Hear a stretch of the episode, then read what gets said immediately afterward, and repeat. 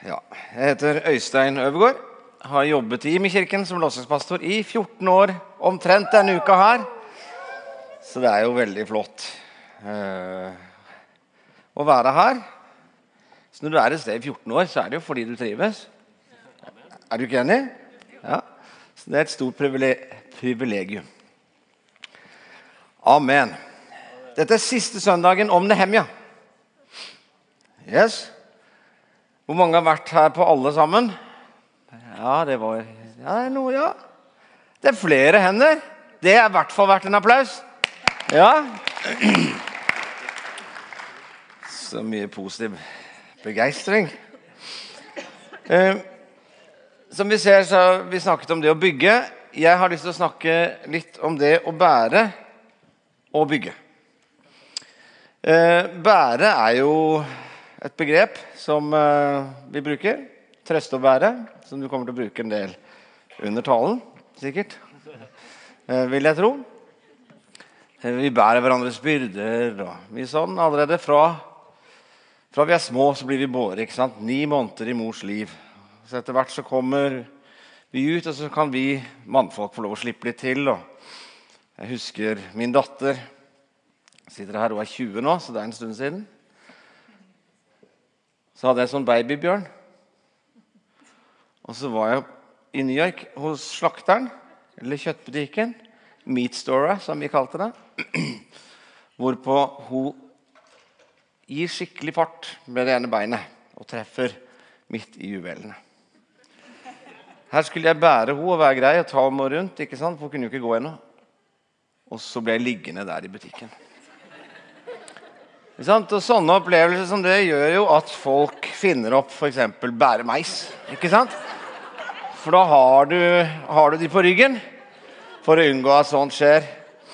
Det er klart, Som du ser her, så er det jo også litt utfordrende. For at du kan jo da oppleve bæresveis, som, som kan være sånn hvis du skal ta bilde eller ut blant folk.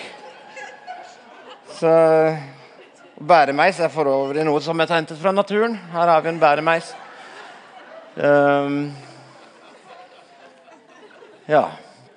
Jeg laga det bildet sjøl. Altså, jeg fikk det ned, så måtte jeg lage det, ikke sant? Og, ja. ja, vi får skjerpe oss litt. Skal vi se her. Det kan hende at du husker hele Nehemjas bok på rams, at du har lest og fulgt med hele tiden. Nå skal jeg bare på ett minutt, hvis det er mulig. Uh, oppsummere bitte litt, sånn at du er på lag med meg. Ok? Nehemia var munnskjenk og slave hos den persiske kongen Artaxerxes. Omtrent akkurat sånn. Det var sånn de pleier å si det. Det kan ingen sjekke, ikke sant? Eh, så kommer, han, så får, kommer det folk til han med dårlige nyheter om hvordan det går med folket hans altså i Jerusalem, hvor murene er nede, byen er plyndra, og det er skikkelig elendige nyheter. Ikke sant? Eh, Nehemia gjør jo det eh, som er vanlig i sånn situasjon. Han sørger. Flere dager så ser vi at han sørger så, mens han søker Gud. Og så etter hvert, i Guds nærvær, så begynner han å tenke hva kan han gjøre? Og så tenker han ja, hva hvis jeg går til kongen og så sier jeg, du, kan jeg få lov å reise? Det er klart Når du er slave og munnskjenk, så er det en ganske frimodig tanke. Og så skal du reise og gjenreise Jerusalem. Jeg vet ikke om det var første tanke du hadde fått i hodet ditt. Nei, men han har vært i Guds nærvær. Det har skjedd noe med han som gjør at han ikke bare går og spør om å få reise, men han spør om han kan få lov til å få med seg papirer fra kongen som gjør at han får gratis tømmer og alt mulig greier. Det er litt frimodig. Altså, bare tenk i din egen verden. Ofte så tar jeg jo valg ut fra hva jeg tror som kanskje kan funke. ikke sant? Da jeg var liksom 14 og skulle finne meg dame, så tenker jeg ja, ja hun var altfor pen. Jeg har ikke sjans på hun, men kanskje hun. Jeg vet ikke om du har det sånn, men noen ganger så, så vurderer vi omgivelser litt ut fra hva vi tror kan være realistisk. ikke sant?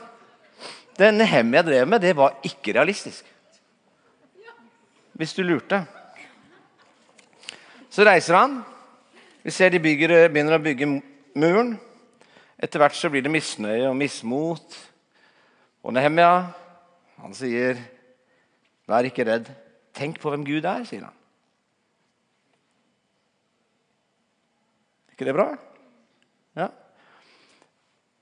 Han utfordrer folk. Han blir etter hvert stattholder. Kongen utnevner han til på en måte sjefen for det området.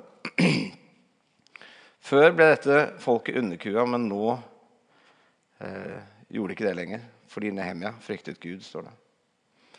De fullfører muren, og det står at de skjønte at dette må, måtte være ved Guds hjelp. For dette skjønte de ikke noe av. Mens de før hadde brukt 90 år liksom, på å bygge opp, så brukte de nå 52 dager på å bygge opp muren rundt en svær by. Kult? Yes. Så ser vi hvordan han innsetter levitene i tjeneste, altså prester, lovsangere og slikt. Og folk ble valgt ut ifra om de frykta Gud. Og Vi ser hvordan han begynner å bygge opp ikke bare murene og byen, men også det sosiale og det åndelige. Amen? Ja. Vi ser at han Så når han fasta og ba til Gud før han reiste, så ser vi at han bekjente synda til folket. På vegne av folket. Altså Han levde i et nært forhold med Gud sjøl, men han på vegne av folket. Og Så ser vi da mot slutten hvordan han får lov til å være med og ta hele folket inn hvor de overgir seg til Gud. Det er ganske bra. Han har gått en vei først som han så får ta de med seg inn i. Så ser vi jo etter hvert at han reiser tilbake til kongen. Og så, Hva er det som skjer når Nehemia reiser? De begynner å rote og tulle. Det er jo sånn her. ikke sant? Nå er jo en del folk, eh, som Elling og Martin og sånn i USA det er det jeg som er sånn hovedleder her. Og det går jo helt av skogen, ikke sant? Ikke sant? Det er tullete bilder, og det er bare fjas. ikke sant? Men sånn kan det være når han trakk seg vekk. De hadde brukt mye tid, Esra, de skriftleide og Nehemia hadde brukt mye tid på å undervise folket. Men når Nehemia reiste, så så du bare hvordan de begynte å tulle. begynte å, ja, 'Kan ikke du bo i tempelet i forgården der?' og det skulle de jo ikke. Ja. Så kommer Nehemia tilbake, så må han på en måte begynne å rydde opp igjen. Fordi Nehemia var en kulturbærer. Nehemia var en som, som ikke bare visste ting med hodet. De hadde forklart folket. Ikke sant? Men det var noe med at det hadde blitt noe som de bar på. Altså Nehemia var bærer av noe. Han bar på noe som var så sterkt at han trodde dette var mulig, som han dro i gang med. Som gjorde at når han var der, så var det retning på det. Etter hvert så fikk jo de tak i hva dette var. Men det er en prosess. Og så Her bygger de, vet du. Dette er jo et, et bilde direkte fra gamle dager. Jeg vet ikke hvem som vet åssen det egentlig så ut. men... Eh, for det er jo fryktelig lenge siden. Dette var jo 450 år før Kristus. liksom. Det er bra. Første punktet mitt Du bygger det du bærer.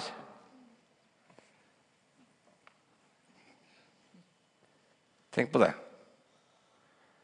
Altså det du bærer på Ikke som hodekunnskap, men det som du er og eier, det er det du bygger. Hvis du er usikker, så bygger du usikkerhet rundt deg. Hvis du er full av tro, så bygger du tro rundt deg. Er ikke det sant? Så det er viktig å være bevisst på hva er det jeg bærer på. Og vi vet om mange ting som vi mennesker bærer på.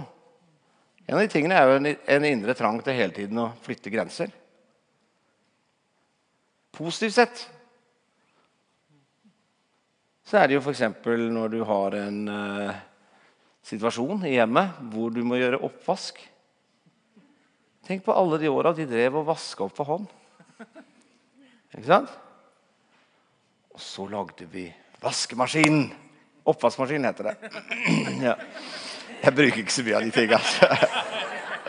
Jeg røpte meg litt der, kanskje. Men uh, jeg husker oppvaskmaskinen. Vi hadde vært Jeg var jo pastorsønn i, i New York på 70-tallet, og så flytta vi i 78 til Stavanger. Min far skulle begynne som pastor i Misjonskirken i byen. Og vi hadde med oppvaskmaskin. Og da var ikke det vanlig skjønner du, i, i Misjonskirken. Jeg vet ikke åssen det var i Imi-kirken. Antageligvis ikke i 78. Så kom hun med det, og så gikk det bare noen måneder. Så hadde alle damer i menigheten fått trumfa gjennom at de skulle ha oppvaskmaskin. Ja? Er ikke det bra? Så hun var en kulturbærer i sin tid. Og det Men negativt sett, da, så, så har vi en trang til å flytte grenser. Bare sammenlign MTV i 1982 og i dag. Allerede mange år siden de begynte å bruke folk fra pornoindustrien til å lage disse filmene fordi at uh, de blir mer og mer seksualiserte for å skulle bryte grenser. Det er ganske mye inni oss som vi bærer på. Av forventninger til oss sjøl, av frykt, av lengsler. Og alle disse tinga gjør at vi kan fort bli som gelé. Når det er moderne, så å, ja. Samfunnet endrer seg hele tiden. Og det er et spørsmål hva er det vi bærer på, som gjør at ikke vi bare farer med vinden.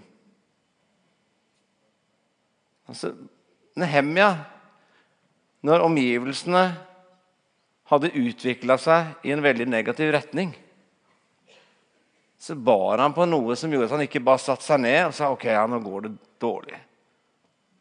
Går det dårlig med Jerusalem? Det var trist. Vi får takke Gud for at det ikke er sånn her i vår lille menighet. ikke sant? Han, han bar på noe som gjorde han Sånn kan det ikke være. Amen. Så må dere si sånn amen.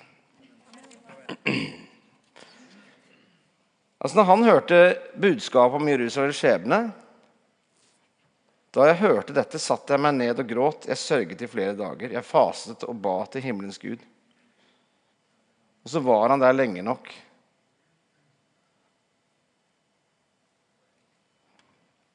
Amen.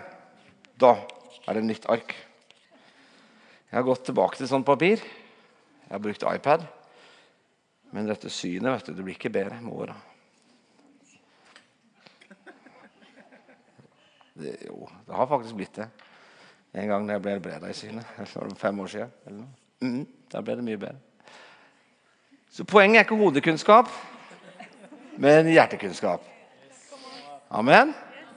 Vi må få ting fra å være noe vi vet når jeg snakker med aktaelevene og underviser, så er det veldig lett å si ja, det har jeg hørt før. Jeg har hørt om den Nehemia-greiene før. Ja, Men har, bærer du det? Skjønner du? Får du tak i hva dette er, sånn at det faktisk preger livet ditt? Det er det som gjelder, er det ikke det? Det er ikke alt du kan svare ja på og nei på riktig på et ark. Det er hva vi bærer på. For det er det vi bærer, er det vi bygger.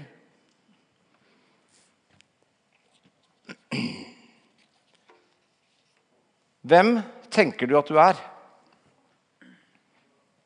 Det handler mye om hva du bærer på.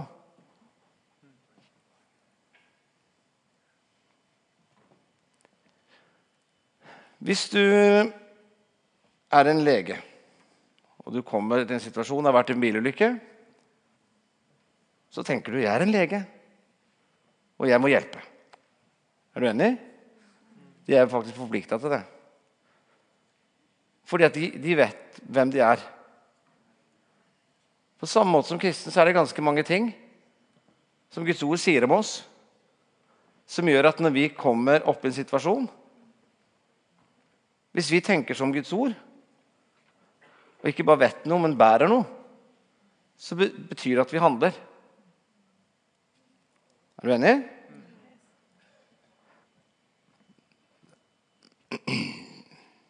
Tro at Gud kan bruke det du har. Jeg vil si at Det viktigste er å forstå hvor stor Gud er, ikke hvem du er. Du kan jakte hele livet ditt på å finne ut hvem du er. Men jeg tror det er først når du forstår hvem Gud er, at du begynner å ane noe om hvem du er. Ikke sant? Jeg tror det er noe av nøkkelen til Nehemia. Han hadde ikke troa til seg sjøl, men han hadde troa til Gud. Så Da blir det viktig å spørre hva er det du bærer på. da? Ikke sant? Nå må du bære på masse bra ting og greier. Men jeg flytta et ark feil. Jeg tror jeg må gå tilbake til iPad. For Først skal vi snakke om hva vil du bygge? Kan alle si 'hva vil du bygge'? Ja. Altså Som kristne så Fundamentet for at du er en kristen, det er Romerne 10,9 hvis du bekjenner med din munn at Jesus er Herre. Er du enig? Altså vi, vi sier 'OK, her er mitt liv, Gud. Jeg gir deg mitt liv. Vær herre i mitt liv. Og så er det en byttehandel hvor vi får Guds liv i bytte. Det er en fryktelig god handel. Sant? Så fundamentet er å få tak i hva, Ok, Gud. Når det står 'som i himmelen, så på jorden', at vi skal be det i Fader vår, så handler det om I himmelen så ser det sånn ut. Det er jo det vi ønsker å bygge her. Er det ikke det? Så vi ønsker å bygge en kultur av at mennesker er verdifulle. Gud elsker deg. Han sier, 'Kall meg for far'. Han sier at du er sønn og datter av Gud selv. Det er litt det er, altså Hvis du fatter det med hjertet, skjønner du så gjør det noe med hvordan du faktisk handler. Og Det er noe jeg ber om med denne talen, at vi må lære oss å lytte med hjertet.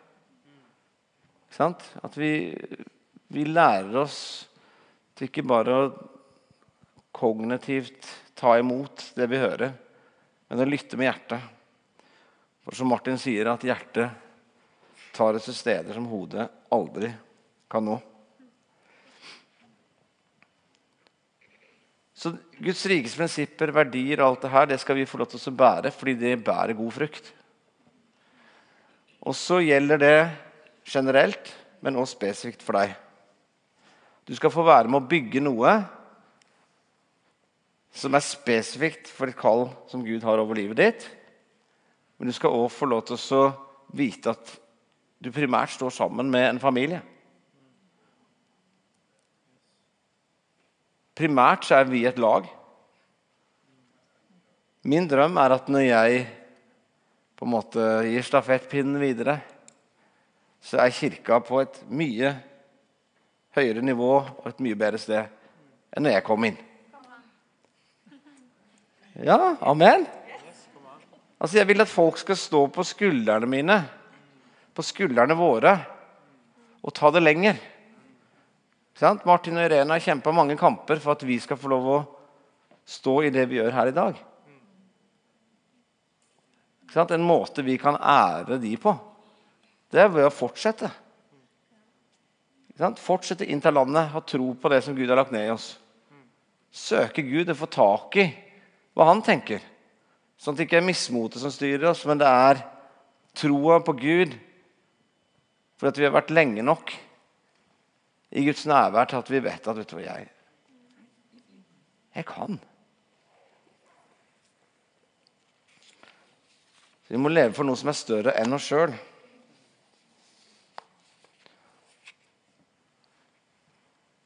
Hvor dine seire er mine seire. Og Jeg gleder meg like mye over dine seire som jeg gleder meg over mine. For det er sånn jeg tenker. Når Terje Høiland står her og I fjor så var det over 18 000 som ble frelst i Kambodsja. Ikke sant? Det er han som reiser og gir enormt mye for oss å se det skje og gjennom mange år, og flere andre her i IMI. Som mange ganger i år driver og reiser ned der. Det er klart Det er wow! Så sitter vi her til 18 000. Ja, så flott. Det var mye. Ikke sant? Det er 18 000 mennesker der som, som representerer en masse andre familier. Som skal få lov til å bety enormt mye. Og når du begynner å samle opp i flere år, så er det jo mange titalls tusener som har fått lov å bli frelst. Det er ganske stort. Det er ikke Terje Høylands seier, det er din seier. Ikke sant? Så la oss glede oss sammen over det Gud gjør.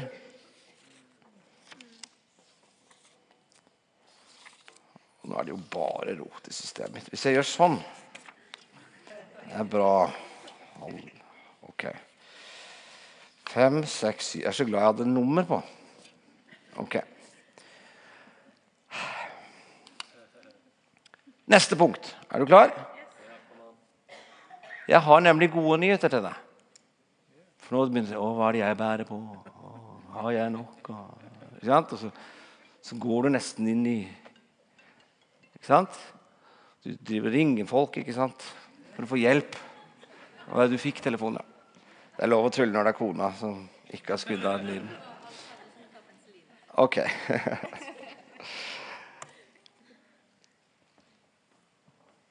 Ser hva det står. Du bærer allerede det, det du skal bygge.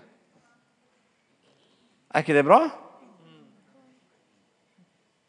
Så Det er ikke sånn at du å, nå må jeg gå på det kurset og det kurset. Selv om det er veldig bra. Sånn, gå på kurs. For det er bra. Det er en grunn til at vi har kurs. Hvis du ser på f.eks.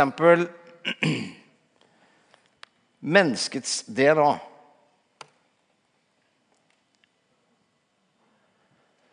Ok. Vi har et fysisk DNA. Når du blir født, og du får mat, drikke, du sover Du arbeider eller leker eller hva du gjør når du er ung Så vokser du til i samsvar med DNA-et ditt. Er du enig? Ja. Så når jeg ser en unge som har Jeg, ser, eh, jeg har ikke sett på et par måneder. Så sier jeg men så stor du har blitt. Du må ha spist og sovet godt. Liksom. Ja, ja. Det er veldig lurt å si til unger, for, da, for det er av til en kamp å få dem til å sove og til å spise. Så hvis vi kan stå sammen som lag på det, så tror jeg vi kan hjelpe mange foreldre. Og det er et enormt potensial som ligger i DNA-et ditt. Er du enig? Ja. For eksempel, jeg har noe potensial som jeg ikke har tatt helt ut. F.eks. det med å jogge. For det, det ligger mye mer potensial i mitt DNA til å være god til å jogge. Sånn at jeg tar hele heisen. Og så kanskje jeg går ned hvis det er nedover ja, men av og til. Hvis jeg er bevisst nok den dagen. Ja, det er jo litt veldig bra. Også når det gjelder bygge muskler. Så jeg er veldig redd for at folk skal tro jeg bruker sånn ulovlige anabole steroider. Ja. Oi, oi, han bruker nok det. Så jeg er litt forsiktig med å løfte vekter òg. Så Du skjønner poenget? Det fins et potensial i DNA-et. Amen. Så har jeg lyst til å komme med noe som jeg har kalt Kan det være noe som kanskje vi kan kalle for vårt åndelige DNA? Kan det være det? Kan det være at når Gud i sin allmakt tenkte ut Vi legger hele greia med hårfarge og øyefarge og alle disse tinga som ligger i DNA-et. At han ikke bare var opptatt av håret ditt. Skjønner du? Men at Gud har tenkt på livet ditt som noe større enn håret ditt.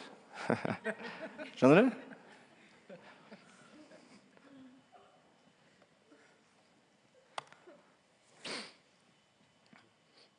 Kan det være sånn at også åndelig sett så handler det om å spise, drikke, sove og arbeide? Altså Overordna sett så står det i Kristus utvalgte han oss før verdens grunnvoll ble lagt, til å stå for hans ansikt. Hellig og feilfri uten feil i kjærlighet. Han har utvalgt deg før verdens grunnvoll ble lagt.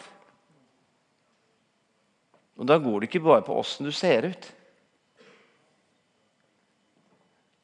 Efeserne 2,10, som et av mine favorittvers, for vi er Hans verk, skapt i Kristus Jesus, til gode gjerninger som Gud på forhånd har lagt ferdig for at vi skal vandre i dem.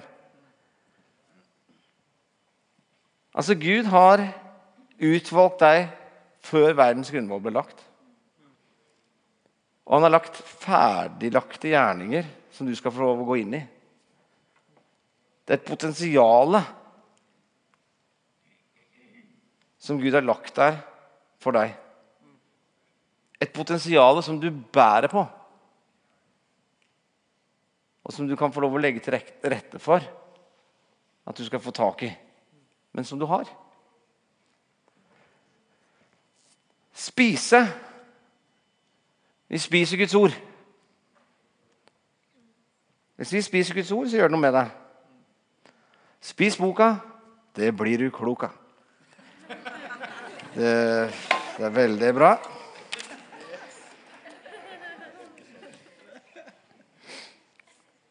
Drikke. Ja, har du sett i første Korinterbrev så står det alle ble døpt til Moses i skyen og i havet, og alle spiste de den samme åndelige mat og drakk den samme åndelige drikk. For de drakk av den åndelige klippe som fulgte dem, og denne klippen var Kristus. For hos deg er livets kilde.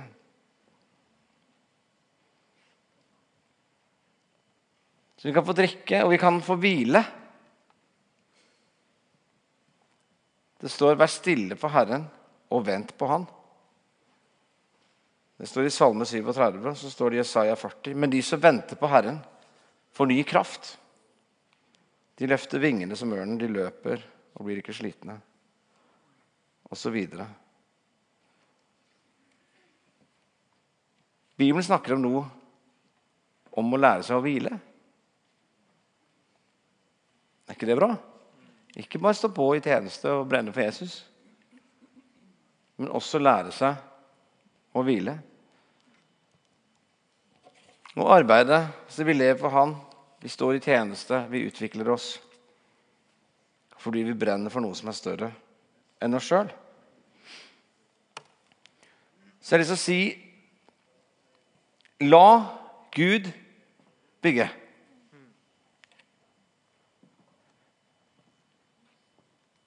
Det er Gud som har gitt deg ditt fysiske og åndelige DNA. Det er også han som skal hjelpe deg inn i det han har for deg. Det er ikke sånn at Gud skapte oss, ga oss et masse potensial, og så trakk han seg vekk. Gud ønsker å være nær. Han som sa at 'jeg lar dere ikke bli igjen som foreldreløse barn', men jeg kommer til dere. Johannes 14. Hvis ikke Gud bygger, bygger vi forgjeves. Altså Nehemia han søkte Gud og handlet ut ifra hva han i Guds nærvær kjente på. Og Guds velsignelse fulgte ham, og det umulige ble mulig. Johannes 15 så står det 'Jeg er vintreet, dere er greinene'. Den som blir i meg og jeg i ham, bærer mye frukt. For uten meg kan dere ingenting gjøre. Gud har ikke kalt oss til å be Han velsigne våre valg, men søke Hans hjerte, slik at vi bygger ut ifra noe Han har lagt ned i oss.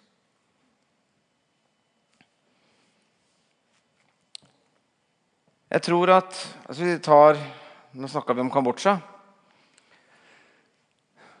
Jeg minner meg sjøl igjen og igjen på noe som har blitt sterkt for meg. For at når vi flytta hit for 14 år siden eh, og begynte å jobbe her, så hadde vi et misjonsarbeid hvor vi jeg husker Hver søndag så ba vi for misjonærene, og så kom det opp en sånn lang liste. De som husker det. Og så var det liksom alle mulige land overalt i hele verden. Da var det noen som hadde gått her i menigheten, så støtta vi de litt. Så hadde vi egentlig ikke noe veldig eierskap til misjonsarbeidet.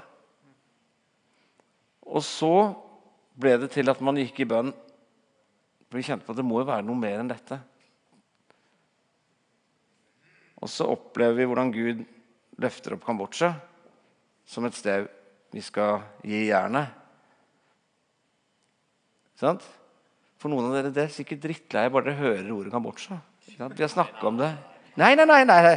Det er en av de ansatte i internasjonal stab her som Nei, nei, nei.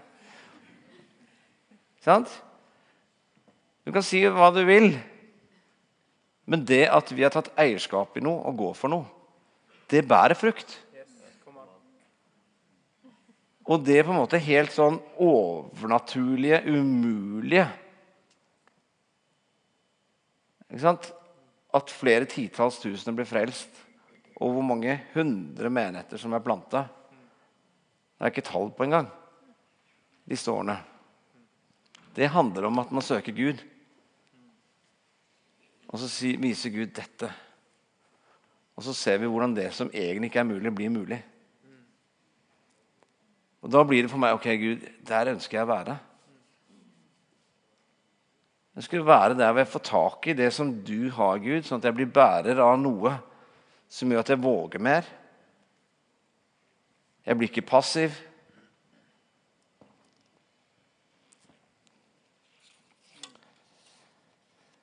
Så jeg har bare lyst til å si at så kan du tenke at ja, Nehemia han søkte Gud, og så ble han Supermann. Og så var alt kjempelett for han. Han hadde sikkert store muskler. Ikke sant? Og var kjempetøff. Men sånn er ikke jeg. Vet du hva? Det er klart at det var tøffe runder for han. Så han sørga i flere dager. Det er ikke sånn 'Jeg er en Guds mann. Jeg går inn og gjenreiser Jerusalem.' Det er noen prosesser vi trenger å gå.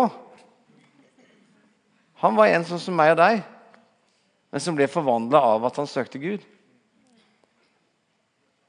Og arbeid, Arbeidet vi har i Kambodsja, det har ikke gjort seg sjøl heller. Det er ikke sånn at fordi at vi går i, i noe Gud har lagt der, at alt er lett. Vi ser Nehemia de, de bygde I perioder så bygde de med våpen i én hånd og spaden i den andre hånda. liksom. Eller redskapen. Jeg vet ikke om det var spade, egentlig. Så de sto i kampen. Sant? Det er ikke alltid sånn at fordi at du kjenner nå ble det litt tøft, så er det på feil sted. Sant? Noen ganger så, så, skal vi stå i det litt til. Og så blir det som Jerikos murer som falt. Ikke sant? Dette handler om å søke inn til Gud, sånn at vi handler ut ifra hva Han legger ned i oss.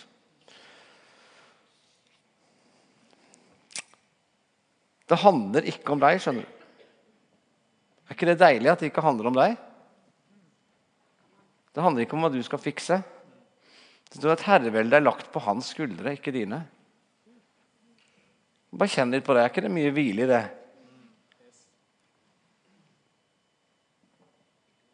Mitt liv har vært mye sånn. Noen sånne sterke møter med Gud. Og så blir jeg kjempegira. Ikke sant? Ut på gata hver dag. ikke sant? I ungdommen på Karl Johan for å vinne folk for Jesus. ikke sant? Og så blir det litt sånn der, Har du gitt altfor mye? Og så blir du helt sånn Så blir du passiv. Altfor lite av alt. Blir drittlei av det. Og så begynner du å søke Gud, og så blir du møtt av Gud. Sånn er litt mitt liv vært. og så ser jeg ikke sant, sånn kamelkristen. Jeg vet ikke om det er sånn, men det er mer at du går ut og drikker masse vann, og så løper du ut. Ikke sant? Men, men vi, vi, trenger på en måte å skjønne at uh, vi kan ikke liksom løpe foran Gud. Vi må lære oss å hvile i at Gud han kan bruke meg. Gud har tro på meg. Det er ikke noe vanskelig tilfelle. Jeg syns det er så herlig. Ja. Når det går for meg. jeg... Så Hvis du visste hvem Gud var, så hadde ikke det vært noe problem å tro at Gud kan bruke deg. Er du enig? Ja. Nå skal jeg vise dere noe, så prøv å lytte med hjertet. Det er litt musikk, jeg skal prate oppå, så dette blir litt sånn veldig kult, liksom. Bare for, for å gi dere bare et lite bilde av hvem du er. Men først og fremst hvem Gud er. Skal vi se om det kommer noe musikk nå?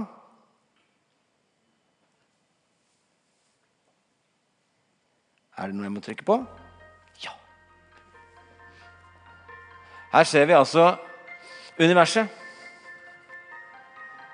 Iallfall litt av det. Her ser vi Mars. Det ser ganske stort ut. ikke sant? Så Venus var jo mye større. Men vi bor jo på en sånn sjefstor planet. Det er jo jorda, som er enda større enn Venus. Og så begynner liksom å sammenligne med Neptun, så blir jo jorda ganske liten. Og Saturn er jo veldig mye større igjen, og Jupiter er jo gedigen. Kan du tenke deg hvor stor Jupiter er? Når du sammenligner med sola, så var ikke Jupiter så himla svær.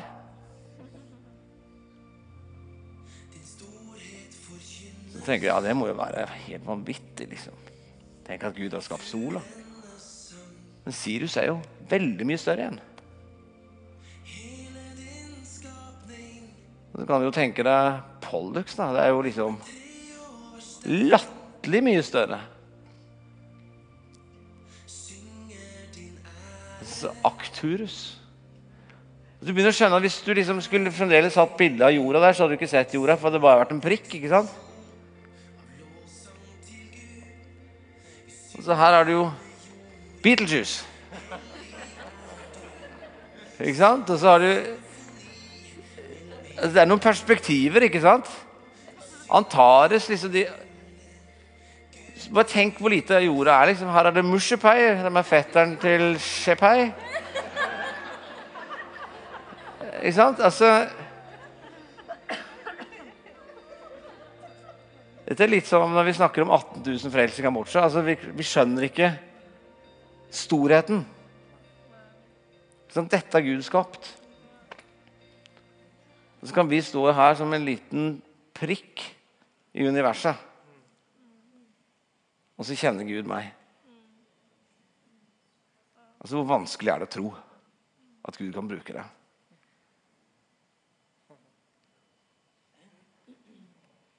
Hvis vi hadde skjønt hvem Gud var, og at han ønsker å være den som gjør det Han ønsker å bygge. Og han har lagt ned i deg alt du trenger for å se denne nasjonen på kne på Jesus.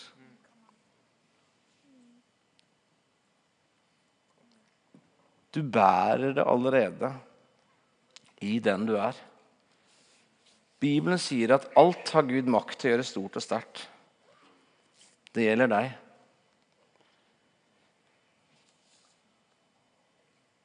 Hvis vi begynte å tenke når vi møtte folk jeg kan si én ting, inspirert av Gud. så låser jeg opp ting i deres liv som setter dem i frihet.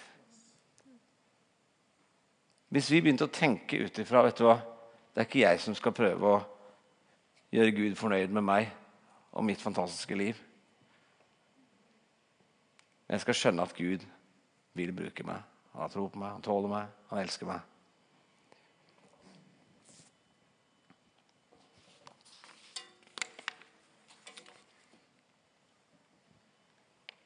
La deg forvandle.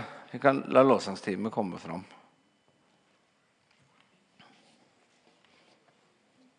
Du vet, ting tar tid. Det å bli forvandla tar tid.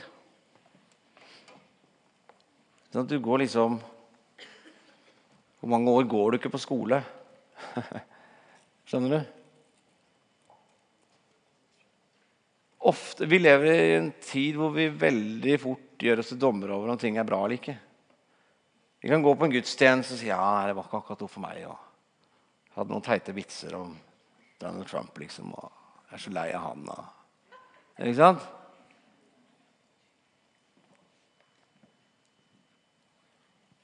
Men ser vi det at hvis jeg tar lange valg Hvis jeg bestemmer for at jeg skal komme her meg, min familie, mine venner. Vi skal komme her på gudstjenesten. Vi skal være med her på dette laget. Så vil det forandre meg, og det vil forandre denne byen og dette landet. Det handler ikke om at i kveld så var det liksom så sterkt, og da skal jeg liksom gi meg her. Og Så kom jeg et par ganger til og så ja, i kveld var det ikke så bra. vi må lære oss å ta de valga som gjør at vi blir forvandla. De valga som tar oss det stedet hvor det vi bærer for, har mulighet til å blomstre. For det ligger der. Vi trenger å lære oss å lytte til hva Gud sier, og, hva, og forstå hva du bærer på. Jeg er jo 47 år gammel. Er ikke det fantastisk? Ja. Født i 1970. Etter hvert som jeg har forstått at Gud har kalt meg og gitt meg en utrustning til å lede i lovsang, så blir jeg bevisst på at jeg bærer på noe i forhold til det med å lede lovsang, som gjør at jeg har en frimodighet. Uavhengig om jeg har en god eller dårlig dag. Noen ganger når jeg skal lede lovsang, så er jeg bare wow. ikke sant? Men mange ganger så er det sånn vet Du hva, du har vondt i kroppen, eller du kjenner på at du har ikke liksom fått bedt nok, og du har ikke fått nok dit. og du bare, ikke sant? Men da må jeg på en måte bare si OK, Gud. Det jeg har, det vet jeg. Det, jeg har den salvelsen, den utrustninga du har gitt meg. Og den kan jeg stole på. Og så ser jeg mange ganger hvordan det blir de sterkeste stundene i lovsangen når jeg blir bevisst på min egen svakhet, og hvor jeg bare må stole på Gud. Når vi forstår at det handler ikke om din gode eller dårlige dag, om ditt perfekte eller ikke perfekte liv eller uke, så gjør det noe med oss. Når vi forstår at det handler om Gud som har skapt himmel og jord, som har tatt bolig i deg og sier 'jeg vil bruke det'.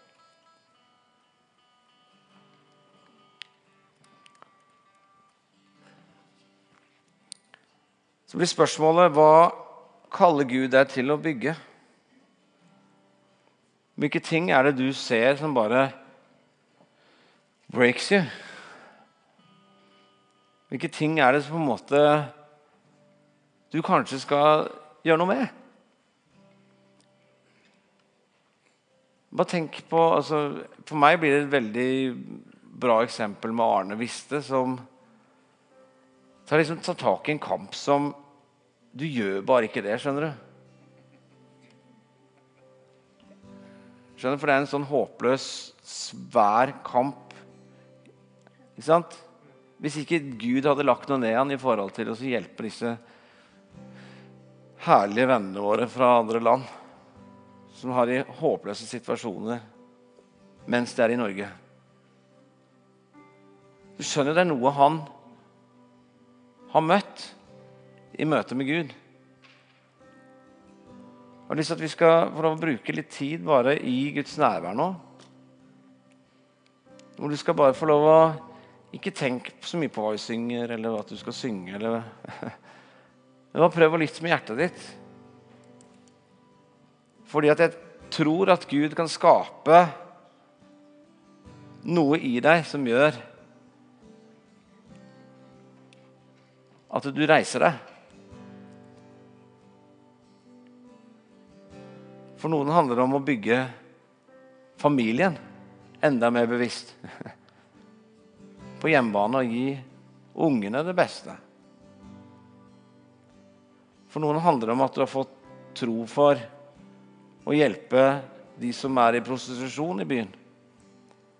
For noen er det som Einar Martin, som fikk visjonen om å reise ut med denne bussen. Og som fått sett mange titalls ta imot Jesus gjennom det arbeidet. Kan vi ikke bare lytte litt med hjertet?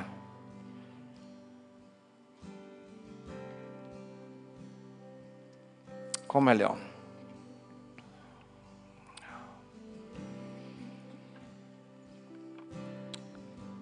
inviterer deg, gode Hellige Ånd, til å bare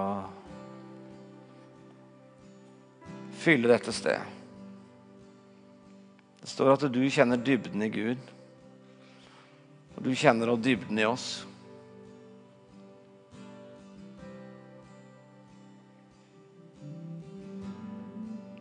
Takk for at vi bærer på noe som er så sterkt.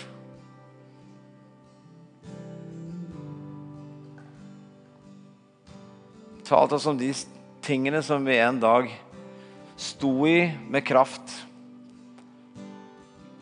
Som i dag ligger i ruiner, som vi skal få lov også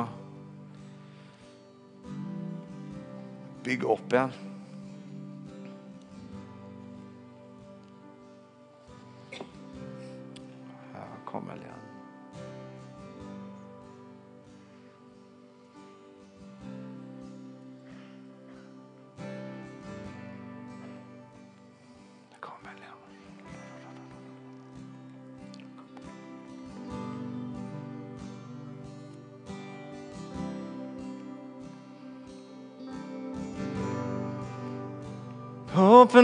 Åpenbar ditt hjerte, Gud, for oss.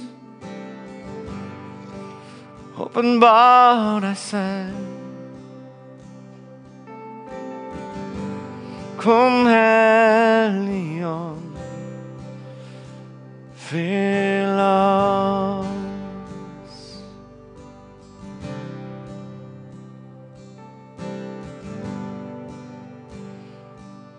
Du har lagt ned i oss noe sterkt skal få stor betydning, Gud.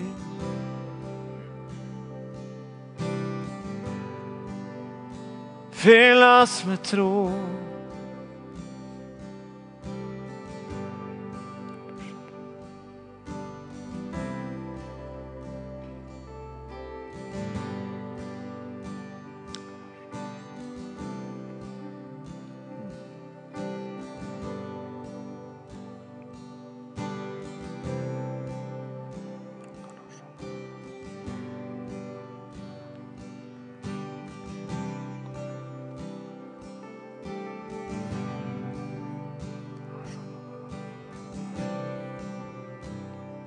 Bare være innenfor Gud.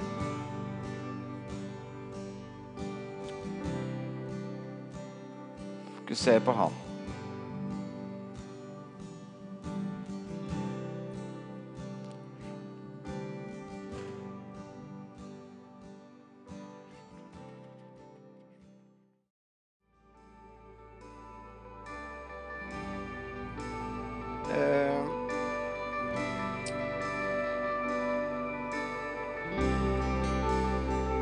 Vi har litt igjen. Så bare hold fokuset. Bestem deg. Det er Når vi snakker om hva du bærer på, så er det veldig lett å begynne å tenke på de tinga som du kjenner på som ligger nærmest overflaten. Det kan være frykten din. Kan være de tinga hvor du føler at vet du hva, det jeg bærer på, er egentlig mer negativt. Jeg hører hva du sier.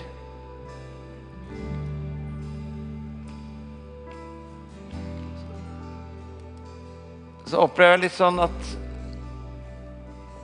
Gud vil bare si til deg at det, det er ikke det som er nøkkelen. Å identifisere alt som er feil med deg. Det er liksom som vi gjør nå, hvor vi løfter blikket, og så ser vi på Gud. Jo mer vi ser hvem Gud er, jo mindre blir alle de tinga som Skjønner du? For ja, det er sant at du er redd. Men det er òg sant at i deg så er det noe som er sterkere enn frykten. Den fullkomne kjærlighet driver frykten ut. Så løsninga er ikke å krige imot frykten. Noen ganger skal vi gjøre det òg. Men primært det vi skal gjøre, er å få lov til å fokusere på Gud. Tilbe Han. Og vet du hva, det skjer noe med det når du gjør det. Noen ganger så kjenner vi noe fysisk i kroppene våre. Andre ganger så er det akkurat som vi ikke kjenner noen følelse med det. Men det gjør noe med det. Og når du velger igjen og igjen over tid, så blir du en annen person. Du blir mer og mer den Gud har skapt deg til å være. Amen. Når det står i Bibelen at det motsatte av lovsang er motløshet og avmakt Når vi snakker om lovsang da, så er ikke det en sang hvor jeg er i sentrum og jeg forteller Gud om alt som er elendig. Den lovsangen det er snakk om der, den er den lovsangen hvor jeg fester blikket mitt på Jesus. Og jo mer på en måte det som står der om lovprisningens drakt, det får bli noe jeg blir ikledd, så blir det faktisk det motsatte av avmakt og motløshet. Så la oss bare fortsette å tilbe Gud i tillit til at han er den som forvandler livet mitt på innsida. Det er han som skal bygge, at han vil lede deg. Amen. La oss tilbe Gud sammen.